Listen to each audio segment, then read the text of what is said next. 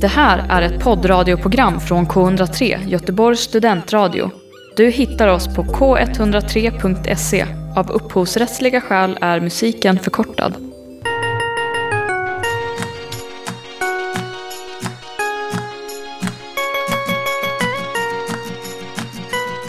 Hej och välkommen till ett surprise-avsnitt av tagning 103 här på K103 Göteborgs studentradio.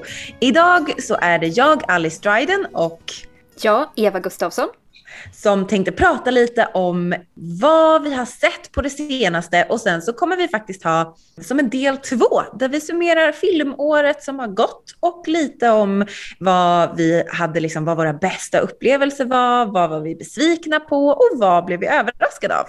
Så häng med oss för det här kommer bli ett, eh, både ett liksom bra avslut på 2021 men också liksom massa kul grejer som ni kommer kunna se i 2022.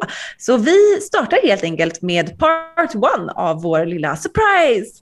Välkomna tillbaka till tagning 103. Oh, film och tv, hurra! Hurra!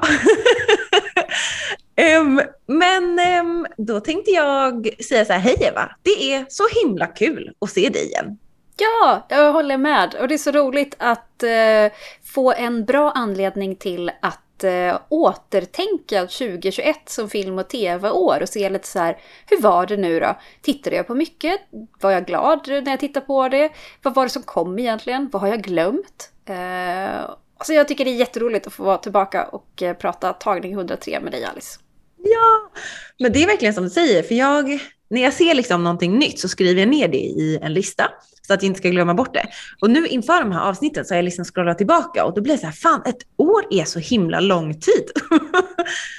Och jag ser så himla mycket på film och tv-serier. Också det, men det känns okej. det är inte en chock, we knew that. Nej men alltså så, så det är många grejer som jag bara, men gud var det inte jättelänge sedan jag såg det här? Och så bara, ah, nej men det var ungefär tio månader sedan. Liksom. Så eh, det, det kommer som en chock, men det är också väldigt fint att få summera året här med dig. Och det är så kul att ta upp tagning 103 igen. Jag tycker det är skönt att 2021 märkte man ju faktiskt lite grann att det började komma mer saker som eh, var gjort nytt och som inte bara var på paus och som faktiskt, även, även om det kommer ju en del saker som vi hade väntat länge på, som till exempel Bondfilmen och så. Men eh, att på ett sätt hade film och tv-världen börjat eh, leva igen efter pandemin. Och det tyckte jag kändes väldigt skönt. Verkligen, man märkte ju det efter ett tag där 2020, att det var, det var liksom en avstanning ändå av eh, utbudet. Ehm, och i början av 2021. Men eh, ja, jag håller helt med. Nu börjar det ändå komma liksom, eh, storfilmer igen och eh, mycket som man har väntat på. Typ Spider-Man, så kul. Mm. Den hade ju en så enorm box office hit trots att det var liksom, eh, pandemi. Så det känns, det är lite blandade känslor där. Det är ju kul att det gick bra och att folk verkligen går på bio. Men eh, please do it safely. Mhm, Var vaccinerad. Yes please. Men ja, så kul. Då tänker jag bara så här att vi går rakt på sak. Eva, vad har du sett på senaste tiden? Ja, Nu när det har varit jul och nyår, då passar man ju på, för då har man ju oftast lite bunkrat upp. Och samtidigt så har man kanske lite mera tid. Och jag hade ju två saker som jag hade sett fram emot otroligt mycket. Att nu ska jag äntligen få tid att se det här. Och det första var ju Beatles Get Back. Ja! Eh, som jag kommer att prata lite mer om i del två när vi ska prata om det bästa och det sämsta från 2021. Men eh, ja, det har jag ju tittat på och jag menar, det är ju tre stycken långa filmer. Det är tre stycken långa filmer. Eh, om någon eh, har hört talas om det, inte sett det och inte riktigt har koll, då kan jag säga att det finns väldigt mycket. Det är Peter Jackson har gjort Sagan om ringen igen i längd, för det är väldigt långt. För är Beatles? väl- Alltså för det är typ Beatles. 12 timmar Beatles? Det är eh, nio timmar. Wow. Tre gånger tre. Typ. Ja just det, förlåt. Jag tänkte extended, I don't know what I thought. Ja just det, men gud. The Eh, extended version har inte kommit än, men det finns mer material att ta av. Tro mig. Tro mig. men skämtar du? Det är alltså nio timmar Beatles? Nästan. Eh, De är, eh, jag tror att den kortaste delen är typ två och en halv timme. Så det är väldigt, väldigt mycket. Men det är så himla, himla bra. Jag ska berätta mer varför det är så bra i del två. Vilken det som- cliffhanger. Ja. Och eh, det som jag har väntat väldigt mycket på, det är också någonting som har väldigt mycket klippor i sig och det är The Witcher. Oh my god, ja! Eh, nej men alltså det tog så många år innan vi fick en säsong två tyckte jag. Det var mm. en av de grejerna som vi verkligen typ längtade mest efter kanske. Jag kommer ihåg att när vi såg The Witcher säsong ett så var du frälst. Det var jag också, jag tyckte jättemycket om det. Eh, jag hade ju spelat spelet väldigt mycket mm. sedan tidigare och eh, var väldigt nöjd. Man är alltid lite försiktigt inställd till adaptioner oavsett vad själva originalet är. Nu är ju inte originalet spelet för det ju, finns ju en förlaga till spelet också helt klart. Men eh, ja, vi var båda väldigt eh, entusiastiska över det. Och hur kände du nu när du har sett säsong två? Ja, alltså jag tänker för dem som lyssnade tillbaka på, eller som liksom har följt oss ett tag, som kommer ihåg när vi såg säsong ett. Jag var ju väldigt upprörd över att det inte fanns en karta. Mm. Eh, för jag fattade liksom inte, jag, jag var så här, jag bara, jag fattar världen, den är fett cool, but what the fuck, where are we? Eh, sen var det ju också i säsong ett, en liten spoiler här, spola fram 30 sekunder om ni inte vill höra. Eh, men det var lite också så här, when are we? Är det ju i mm. första. Eh, det är inte lika mycket i andra. Men, och, och, särskilt när det är liksom att det hoppar mycket eh, plottmässigt så vill jag åtminstone ha en så stark konkret ram i form av jag vet vart jag är, jag vet åtminstone världens premisser och liksom hur det ser ut. Och jag saknade det. De hade inte åtgärdat det. Jag fick ingen karta. Hur ofta i andra verk får du en karta? Till exempel i Sagan om ringen. Hade du en karta?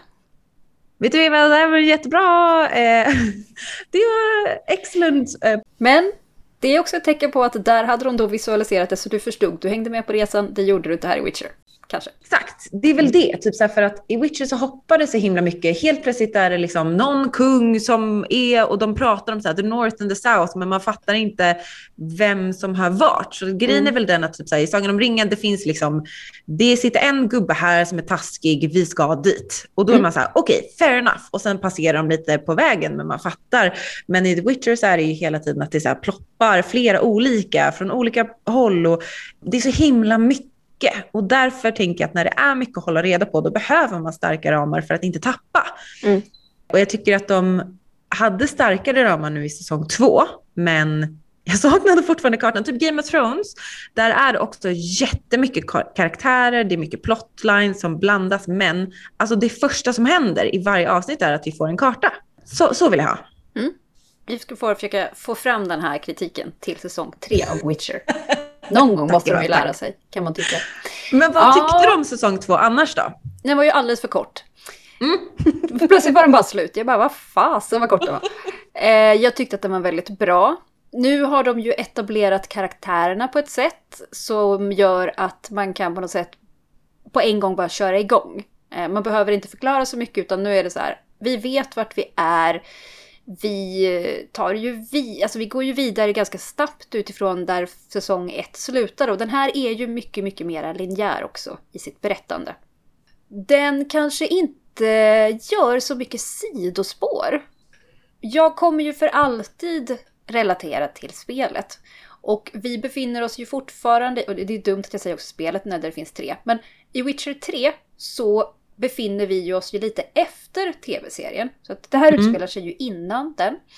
Och här är det liksom hela spelet går väldigt mycket ut på att det är extremt mycket sidohistorier. Och visst, här kommer de också till olika platser, man får träffa olika karaktärer, personer som Geralt har känt sedan tidigare och så, eller personer som man inte alls känner, men som man ändå så möter. Men det är inte lika mycket sånt. Det var mer i första säsongen tycker jag, att man så har en sidequest en liten sidohistoria som egentligen inte för huvudhistorien framåt, men som är någonting som visar upp världen, någonting som bara ger lite variation. Ja. Men eh, jag är jättenöjd och jag tycker det är kul också att få se hur karaktären Siri utvecklas nu. Från att bara vara det hjälplösa barnet. Liksom. Ja, det tyckte jag. Den, det kan vi prata lite mer om tänker jag också för att det var ganska spännande. För i första säsongen så är hon verkligen ett barn. I den här säsongen så är hon det är som att hon är liksom en äldre tonåring. Och det gick väldigt snabbt. Så att liksom, i första säsongen så har hon ganska bylsiga kläder, eh, hon har inget smink på sig. Eh, Men i andra säsongen så är hon ändå märkbart äldre och det är en annan blick på den karaktären. Oh ja. Ja, och det, jag vet inte, det, det var kanske, alltså jag, jag köper det ju för att jag förstår ju realiteten av att så här, det har ju gått flera år liksom, mellan säsong ett och två, också på grund av covid, att de inte kunde spela in när de hade tänkt. Eh, hon hann ju bli väldigt mycket äldre och det finns kanske ingen poäng med att så här, sminka ner någon så att den ska se yngre ut, särskilt när man är liksom, tonåring.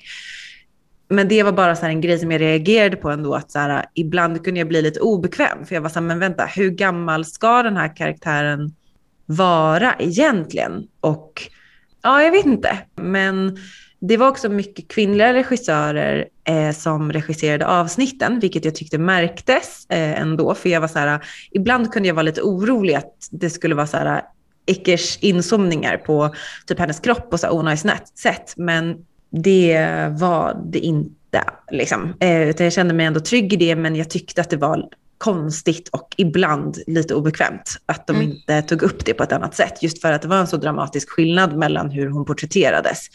Eh, ja, jag vet inte. Har du några tankar kring det? Ja, alltså jag... Eh, dels är jag ju eh, van från genren.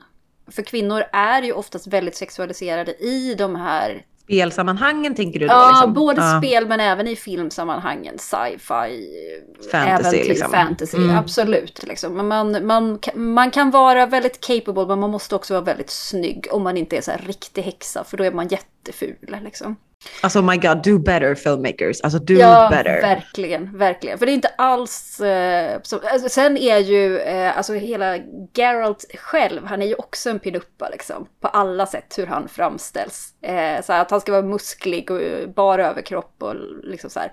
Så han är ju också väldigt mycket ett det är typ mudporn. Alltså det är ja, så här, verkligen. Du tog en man, du rullade honom i en pöl och sen är det bara så här, oh wow. ja men gud ja, så är det ju definitivt.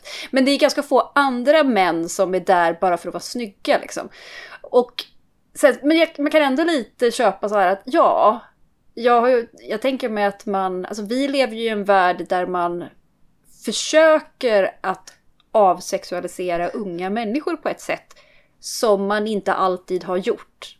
Den synen har ju rört sig fram och tillbaka genom åren och tiderna. Och jag, jag eh, har ju ingen eh, tro om att man inte sexualiserade unga tjejer på den tiden också. Om vi ska säga så här medeltid eller nu, det här är ju liksom en fantasivärld självklart. Men eh, jag ser det ändå lite som rimligt. Sen hade hon kanske inte behövt vara sminkad för att eh, jag tycker ju också att eh de, de gör ju också lite en grej av att hon plötsligt ska vara så här, bli en warrior och tränar väldigt mycket och hon lever bara med gubbar och eh, Ja, var, var får hon smink ifrån då? Liksom. Ja, lite så. Exakt. Ja, okej. Så det du säger är du är avtrubbad och tyvärr van ja. via genren. Liksom. Ja, men, precis. Ehm, och det finns men jag det... köper ändå lite grann mm, faktiskt. Ja. Så här. Jag menar, så här, hon är den enda tjejen som finns där. Och visst, ja, hon är ung, men så här, hon lever med ett gäng män. Liksom. Ja, men ja. Jag ser det ändå som inte alls otippat. Liksom. Nej, ja, jag vet inte. Ja. ja, jag tycker att det är problematiskt. Jag tycker inte att det gör serien bättre eller sämre, men det är fortfarande problematiskt liksom, mm. eh, till viss del. Så det hade varit intressant att typ veta kanske hur mycket skådespelaren själv hade att välja med. Liksom. Mm. Om det kanske var hennes val att hon ville ha väldigt markerade ögonbryn. Jag vet inte. Alltså, så, här, mm. eh, så det hade också varit intressant att höra. Men, eh, ja, men jag tycker att vi ska gå vidare. Du har alltså sett Beatles och sen Witcher. Vad har du mer sett som har liksom poppat och som du minns? Mm. Jag, om vi ska gå vidare lite på fantasy-temat så har jag ju också sett Dune. Oh my god, yes. Och det är ju också någonting som har en ganska lång historia. Som mm. jag har noll relation till. Förutom Dune är den där klassiska saken som alltid killar ska berätta för en om. The masterpiece. David Lynch. topic number one. Ja, gud ja. Hur många kvällar har man suttit och lyssnat på folk som lovordar boken Dune eller ja, som pratar om att ja, det var ju synd att David Lynch eh, gestaltning av The Dune från 80-90-talet när det är inte var så himla bra. Och det var lite roligt för jag tänkte faktiskt på det när det var någon gång i höstas, så bara på spårvagnen så hörde jag någon kille som satt och berättade för någon tjej om vad, så här, vad grejen med Dune är. Och jag bara, ah, here we go again. Oh Men nu tänkte jag att fan, nu måste man ju se det här när det dök upp. Eh, och eh, jag tycker ändå att det gav mig någonting. Det var intressant. Vad, vad, vad kände du? Vad hade du för relation till det innan du såg det? Noll. Jag har bara sett typ folk på Instagram som har försökt läsa boken och bara den är så jävla lång och svår att komma in i. Eh, och då har jag tänkt att det är ingenting för mig, alltså bokmässigt. Och sen har jag liksom, jag har varit så här, jag har varit supertaggad och sen har folk som har sett den runt omkring mig varit där, ah den var snygg typ. Och jag bara, what's that, was that it liksom? Jag, jag hade förväntat mig värsta så här mästerverket med cool ny värld och liksom allting. Och sen såg jag den äntligen och det var exakt det jag fick. Alltså jag tyckte att den var cool, snygg, ny.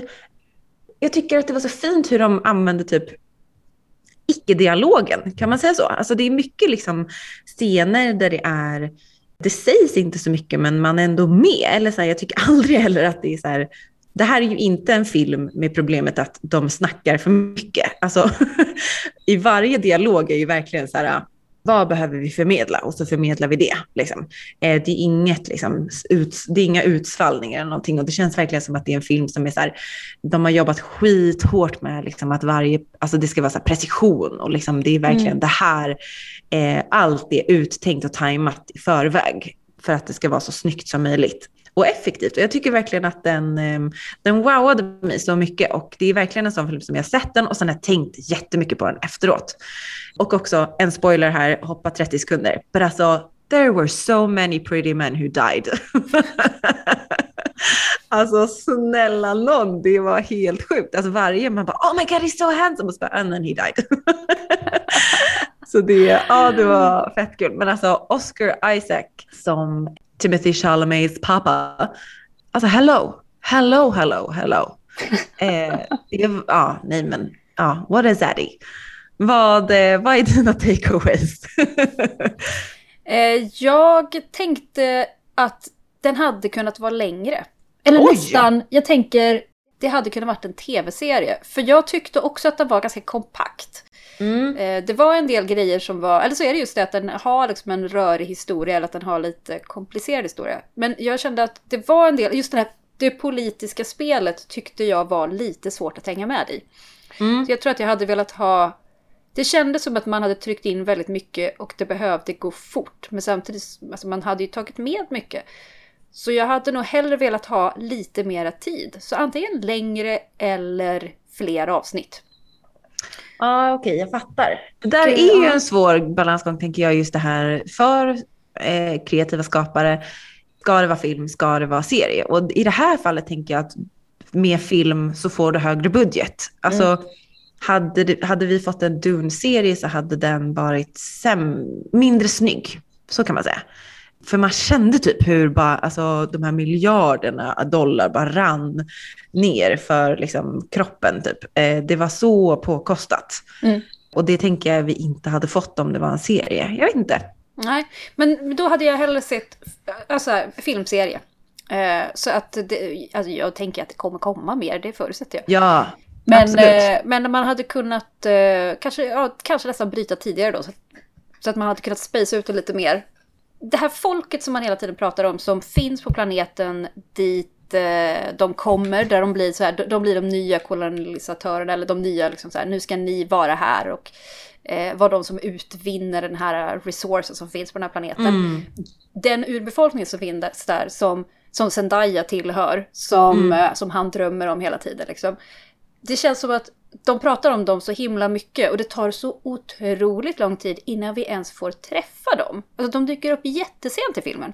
Ah, så det känns okay. som att man, man är hela tiden på väg någonting, mot någonting och att man hade velat få mycket mer. Eh, så, ja, så jag känner att jag hade velat ha mer av filmen.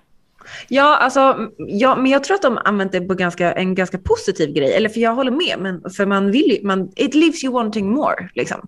Eh, procent, att man är så här, eh, för då Timothy Charlemagne som då ändå är huvudkaraktären, eh, han är son till en väldigt influential Duke.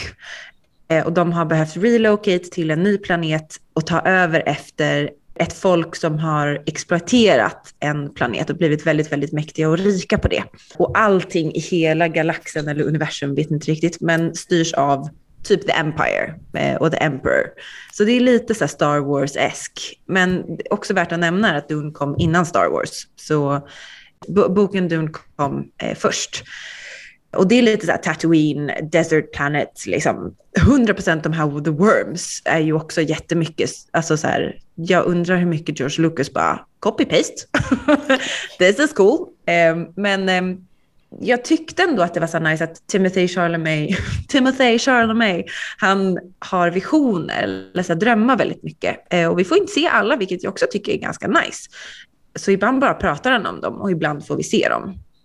Och han drömmer väldigt mycket om en kvinna, en ung kvinna från det här eh, urfolket som han, som han ser i sina visioner och det är då Zendaya och eh, skådespelaren och artisten som också är med i Spiderman. Men eh, hon är ju del av det här folket. Jag vet inte, jag tycker typ att de gör det ganska snyggt. Att de så här, introducerar det och är så här, det här kommer mer. Eh, så det är ju både som en prequel till liksom when it's going down. Men jag tycker det funkar för att mm. det är verkligen, det har substans, det vi får se, det är spännande, vi bryr oss jättemycket och sen så jag tänker att det är alla filmskapares dröm som ska göra typ en trilogi, att det är så här, they leave us wanting more, men they don't leave us liksom hanging. Vi, vi fick ju ändå någon form av så closure, liksom. Mm. Eh, alltså inte closure på plotten, men det var inte så här, vi vet inte om de dog eller inte. Det var inte liksom någon sån, utan det kändes ändå liksom, det var ett bra avslut på film nummer ett, tycker jag. Mm. Ja, jag gillar det verkligen. Det var, jag tyckte den var bra, högkvalitativ, lite för kompakt, men eh, ja, lite mer space nästa gång. Men det kanske man får, för nästa gång behöver man inte presentera hela karaktärerna på samma sätt. Lite som Witcher. Ja. Witcher, 100 procent. Mycket bra. Mycket, mycket bra. Men jag kan då fortsätta lite på det här, här sci-fi, fantasy, superhero-temat. Jag har sett Shang-Chi, Marvels film som kom under pandemin. Och därför, för mig i alla fall, hamnade väldigt mycket i skymundan. Vilket är så jäkla tråkigt för att den var så bra. Kan det vara Marvels bästa film? Alltså, oh. ja, den var så omarvelig och det funkade verkligen. Den var liksom både omarvelig samtidigt som man fattade ju att det var en Marvel-film. Men den var inte så jäkla smörig. Den var inte så amerikanskt smörig, utan det handlade väldigt mycket. Den utspelar sig dels i USA, men också dels i okänt land. Jag tror att det är Kina som den utspelar sig i, men det vad jag minns av det är lite luddigt i alla fall, vart i Asien de befinner sig. Men eh, jag är relativt säker på att det är Kina. Och den är, jag ska inte dra hela plotten, men jag tycker i alla fall att den förtjänar så sjukt mycket mer recognition än vad den fick. Och jag önskar att den hade haft biopremiär liksom utanför en pandemi så att den verkligen fick eh, the box office results också som den 100% förtjänar. För den var så bra, den var så rolig och snyggt rolig. Aquafina var med och hon var liksom, ah nej, den var, den var så bra. Den var verkligen så här en av de bästa. Eh, så mycket bra jobbat där Marvel. Så tråkigt. Hopp, gå och se den. Alla bara gå och se den. Disney+. Plus. Härligt. Vad har vi mer sett? Ja, men om vi avrundar lite så här fantasy. Kan också säga, jag såg Loki på Disney+, Plus, också Marvel. Så bra. Så bra. Sex avsnitt tror jag att det är. Om bara så här pang, pang, pang, pang. Sjukt snyggt gjord. Jäklar vad man får se flera sidor av den karaktären. In many ways. Um, har du sett den? Nej, jag har ännu inte sett Loki. Jag har lite sparat på den. Tänkt att den här ska jag hinna se när som helst. Och så har jag inte hunnit. Men eh, den, den står fortfarande kvar på listan. Den ska ses 2022. Så nice, för den tyckte jag var liksom... Den och One Division verkligen slog mig med häpnad. Att så här, fan det här är asbra. Och det handlar verkligen om typ så här, personal growth. Eller personal development. Att så här, vem är jag? Och inte bara så här någon form av så här Captain America, who am I? I am the superhero you all deserve. Åh, vad roligt! För, för jag förväntade mig inte alls att Loki skulle vara sån. Alltså jag tyckte ju jättemycket om Wonder Vision. Men sen blev det så himla mycket Marvel där ett tag så jag kände att nej, nu behöver jag en liten paus här.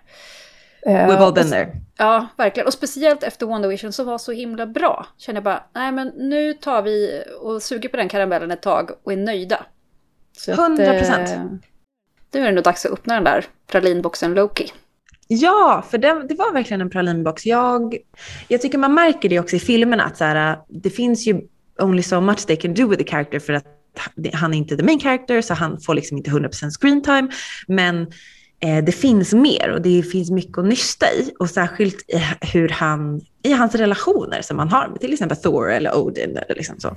Men ehm, eh, i den här så får man verkligen nysta. Och guldstjärna till Tom Hiddleston som är skådespelaren bakom Loki. För han är så engagerad i den här karaktären. Han har typ hållit så powerpoint har jag fått reta eh, för liksom alla. Han bara, det här är Loki, så här. Och du vet, så verkligen, alltså, och det engagemanget och den kärleken för karaktären och karaktärsarbetet, det är det som skiner igenom. Det är det som är juvelen. Det är därför vi också liksom är så här, oh Loki, what are you doing? Samtidigt som vi hejar på honom. Eh, och det är för att den här skådespelaren har det djupet, att så här, vi både kör facelappen samtidigt som vi, alltså på vårt eget, alltså facepalm, alltså man bara oh mm. my god what are you doing girl? Um, men vi hejar på honom och vi älskar honom. Så det, ja, hela den här, den är så fin och seriös och rolig. Jätterolig och fyndig. Så eh, jätterekommenderar att du tittar på den. Härligt, det ska jag göra. Men jag vet att du har sett mer fantasy. det är typ det enda jag gjort. Jag bara, okej, okay, nu kör vi alla de här, så här tunga world building grejerna. Men ja, jag kan avsluta med en besvikelse då. då.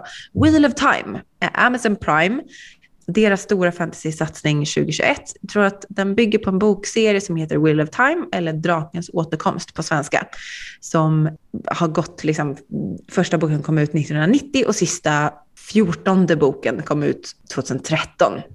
Och alltså den var inte, alltså den var okej. Okay. Så var det. Den var okej. Okay. Det var en spännande värld. Det var skitdåliga romanser med noll kemi. Alltså det enda som var intressant var typ så här, ja det finns häxor där och deras politik är väldigt spännande. Men resten, alltså jag brydde mig inte. Det tog fem avsnitt innan jag bara, oh, det här var spännande. Och det är lite för långt. Ja, då hade jag nästan gett upp tror jag. Oh. Ja, ja. ja. Så den, den var inte, det var faktiskt inte min cup och jag hade hypat den så mycket. Eh, så det, eh, tråkigt nog inte, inte så bra. Men eh, du har ju sett lite om vi rör oss till någonting helt annat. Jag vet att du har gått in lite på Ingmar Bergman. Ja, jag kände att jag behövde någonting helt annat. Och jag har haft saker lite liggande. Sådana, du vet, sådana mm. grejer som man tänker att det där ska jag se. Både för att jag är intresserad men också lite så här, äh, men det där ska man ha i sin eh, filmrepertoar. Det ska mm. man ha sett som en filmvetare. Men sen är det inte alltid läge. Det är ofta så här, ska jag se det här eller den här lite lättsammare? Ska jag se det här eller det här lite spännande? Ska jag se den här tre timmar långa från 70-talet? Eller ska jag se någonting lite lättsamt som jag gjort nu? Men då ändå valde du att se nio timmar Beatles. Alltså jag är ändå ja, I'm impressed. Oh. ja, nej men jag har både sett Hets som är från 44. Där har ju Ingmar Bergman skrivit manuset, men det är Alf Sjöberg som har regisserat. Och det är en sån riktigt svensk klassiker. Det är en film som många idag definitivt inte har sett, men man känner ändå till huvudrollskaraktärerna och man känner till temat. Eh, en satanistisk lärare mobbar en gymnasieelev. Eh, och karaktären Caligula som spelas av Stig Järrel är också den klassiska bilden av eh, en lärare som står med en stor pekpinne bakom en elev eh, i svartvitt. Den har många sett. Oj, käre värld. Det låter lite som den där J.K. Simmons mm, när ja, han mobbar sin trummiselev. Ja, absolut, absolut. Och, eh, men den här är kanske mer liksom sadistiskt. Det faktum att mm. man får inte riktigt en anledning till varför läraren bara liksom ger sig på en elev och är så otroligt elak. Eh, och, och här får det kanske också mycket större konsekvenser än vad det får i uh, den filmen. Vad heter den filmen? Uh, Whiplash. Whiplash, just det. Just mm. det. Eh, men som sagt, eh, jag tyckte att den var, den var helt okej. Okay. Det mm. är lite ibland när man, alltså när man ser en film från 44 Skådespelet är ju på ett helt annat sätt. Alltså det är ju mm. teatralt på ett sätt som man skådespelar inte så idag. Men man kan ändå se att så här, det här var bra då, det här var liksom häftigt. Eh, men den var också jävligt lång, kan jag säga. Kändes lång. Mm. Eh, och också intressant, så här, det här är en film som är släppt 44, det vill säga om man bara tänker på vad som händer i världen och det är världskrig då. Ja. Eh, vad som finns runt omkring liksom. Ja, den har ju spelats in under världskriget, ja. verkligen. Mm. Men den som jag tyckte var mycket intressantare att se, speciellt idag när nu det kom en remake under 2021 av scener från ett äktenskap, eller scener ur ett äktenskap heter den. Mm. Den kom eh, 74. Bergmans epos med Liv Ullman och Erland Josefsson som det gifta paret. Och det här är liksom, det är så himla fascinerande. Det är verkligen ett tidsdokument, men också... Eh, eh, när den kom har jag förstått att den verkligen var banbrytande och slog ner som en bomb i relationsvärlden. För, för det är ju mer eller mindre tre timmar av två personer som pratar med varandra om sitt äktenskap och sina relationer. Och så får man följa dem under tio år. Mm. Eh, och när vi träffar dem första gången så har de varit gifta i tio år. Så då har de liksom tio års historia och eh, det är mycket så att de träffar andra människor och pratar om sina relationer. Och de ser andras relationer och ser så här, åh de här relationerna är så dåliga, våran är så himla bra. Och, och den är väldigt så analytisk och de pratar väldigt mycket om det så. Och sen så tar den sina turns under filmens gång. Då liksom, får man se vad som händer. Ups and downs för de båda. Och eh, som jag förstått det så utlöste ju den här filmen en riktig skilsmässovåg. Alltså när, när folk Oj. började förstå att så här, på liksom, mitten av 70-talet så här, Nej, men vad fan, vi måste ju inte vara gifta för alltid. Bara för att våra föräldrar var det. Är en relation dålig, ja men då ska man, man ju skilja sig. Man får ja. lämna. Som kvinna kan man lämna. Eh, Fantastiskt ändå. Ja, men verkligen. Men sen är den också så här, den är ju eh, otroligt välspelad och de, alltså, de här skådespelarna är ju otroliga i sina, liksom, sin öppenhet och sin, alltså hur de pratar om relationer och hur de berättar om vad de känner och inte känner och hur man ser att de reagerar och när den ena personen kommer hem och säger jag har träffat en annan, jag lämnar dig, jag, jag reser imorgon till ett annat land. Shit pommes frites. Och, och man bara, eh, jaha, va? Jag, här, jag har inte sett det här komma överhuvudtaget. Vad, vad ska det gå nu? Liksom. alltså den här paniken som uppstår hos den andra personen. Mm. Men så, kan man, så får man inte reagera för mycket och man vill liksom så här, ja, nej den är, det är en riktig resa att se den. Men sen är det också så här, det är mitten av 70-talet. Könsrollerna ser annorlunda ut på ett sätt, mm. även om man märker att de pratar om det och eh, hon är frustrerad över sin roll som kvinna och att hon kanske inte heller är den hon är inte en hemmafru till exempel, utan hon är en arbetande Nej. kvinna, hon är jurist, hon är liksom så här eh, välbetald och hon har nog en annan ställning än vad många kvinnor i den tiden hade. Men ändå så har hon liksom sina jättestora problem som, som ändå har börjat luckras upp idag. Och det, jag tycker också det är fascinerande hur det är så här, det här är ju en, även om man inte har sett det så tror jag att man förstår att det här kommer handla om relationer som kommer och går. Liksom. Så det, det, känns inte som att det är ingen spoiler att de ska skiljas. Liksom. Men Nej. När, när han kommer hem och säger jag har hittat en annan, jag är så himla trött på vårt liv, jag drar nu. Inte vid något tillfälle i hela den här jävla filmen säger han du, hur gör vi med barnen? Kan Oj. du ta hand om dem? Eller så här, så här de har ah. barn och han bara drar. Han bara, ah, jag drar nu, jag är trött på det här. Oj. Vem ska ta hand om dina ungar liksom? ja, att det är så självklart att det är hon. Liksom. Ja, Eller så det är klart att, att hon ska ta hand om ja. dem. Ja, ja visst. De, eh, han kan väl betala underhåll liksom. Nej, jag, jag tyckte... Jag kan fatta att det känns lite så här...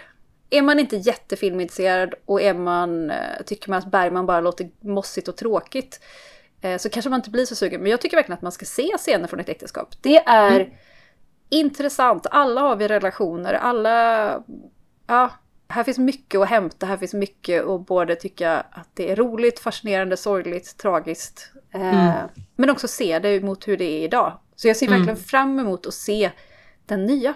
Ja, just det. Oscar Isaac och Jessica Chastain. Mm. Så kul. Den finns ju på, vad är det, HBO Max? Någonstans eh, i mm. vår streamingvärld finns den. Eller kanske Netflix. Ja, ja exakt. Någonstans mm. ute i eten så simmar de omkring en scener ur ett äktenskap. Ja, jättespännande. De två är ju mega bra. Båda tror jag är Oscarsnominerade, om inte Oscarsvinnare. Och um, ja, vi alla vet ju sen ungefär en kvart tillbaka att Oscar Isaac är superhot. Det är också Jessica Chastain. ja, det har vi, ja, 100 procent. Um, och jag kommer ihåg den första gången jag såg henne tror jag var i Niceville. Från, ja, just det, med Emma med Stone. Emma Stone och mm. Viola Davis och Octavia Spencer. Problematisk film idag, men eh, hon var väldigt, väldigt, väldigt bra i den. Jessica Chastain. Så, så bra. Du, jag tänkte att vi ska börja avrunda alldeles strax, men eh, har du någon sista shoutout som du vill göra till någonting som du sett? Ja, om man inte kan släppa julen så har jag ett litet, litet, litet godiskorn kvar som är Robin Robin, eller Robin Rödhake som den heter på svenska. För Ardman, som ju är bolaget bakom Wallis and Gromit, Sean mm. the Sheep, har gjort en animerad liten julfilm om en Robin, det vill säga en rödhake, en liten oh. fågel som kommer på villovägar och blir uppfostrad av möss. eh, istället för att vara hos sina rödhakeföräldrar. Och, eh, men det här är ju lite, eh, eh, alltså inte en fula ankungen historia, men det är just det här att vara den lite udda i en annan, i en miljö där man liksom kanske inte riktigt passar in, men att man försöker passa in ändå. Mm. Och eh, den är en halvtimme lång och den finns på Netflix och den är jättegullig och rolig och charmig. Och har många roliga röster till exempel. Man kan ju se den på svenska om man vill, men den finns med engelskt tal. Där till exempel Richard E. Grant spelar en tjuvaktig skata. Oh, mm. det gillar vi. Gud vad, vad spännande. Vänta, påminn mig igen. Vem är Richard E. Grant? Richard E. Grant är den lite tråkigare varianten av Alan Rickman. Eh, så himla kul och den låter verkligen super, supergullig. Jag kör en sista shoutout här till Queer Eye säsong 6 som släpptes på nyårsafton.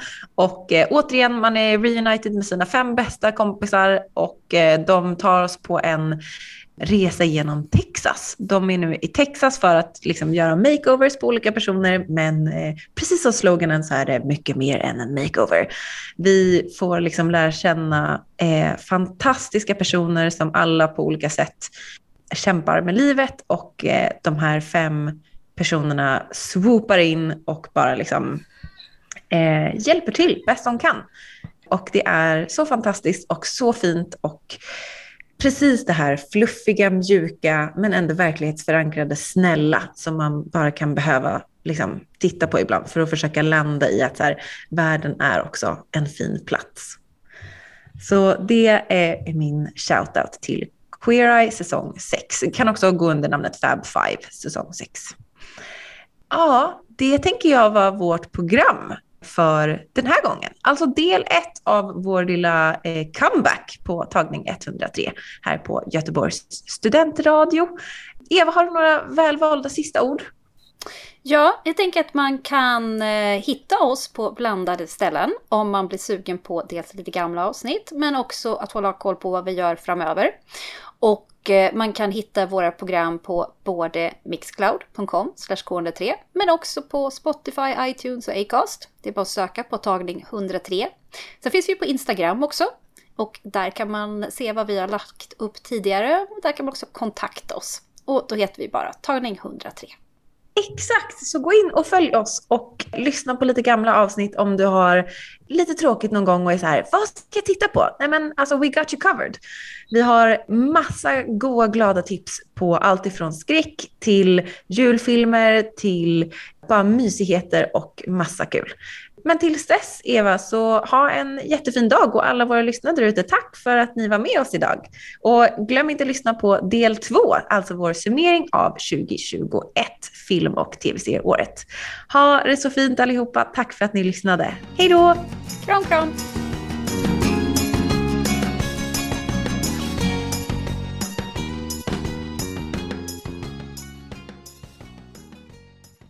Du har hört en poddradioversion av ett program från K103. Alla våra program hittar du på k103.se. Följ oss gärna på Facebook eller på Instagram. Vi hörs!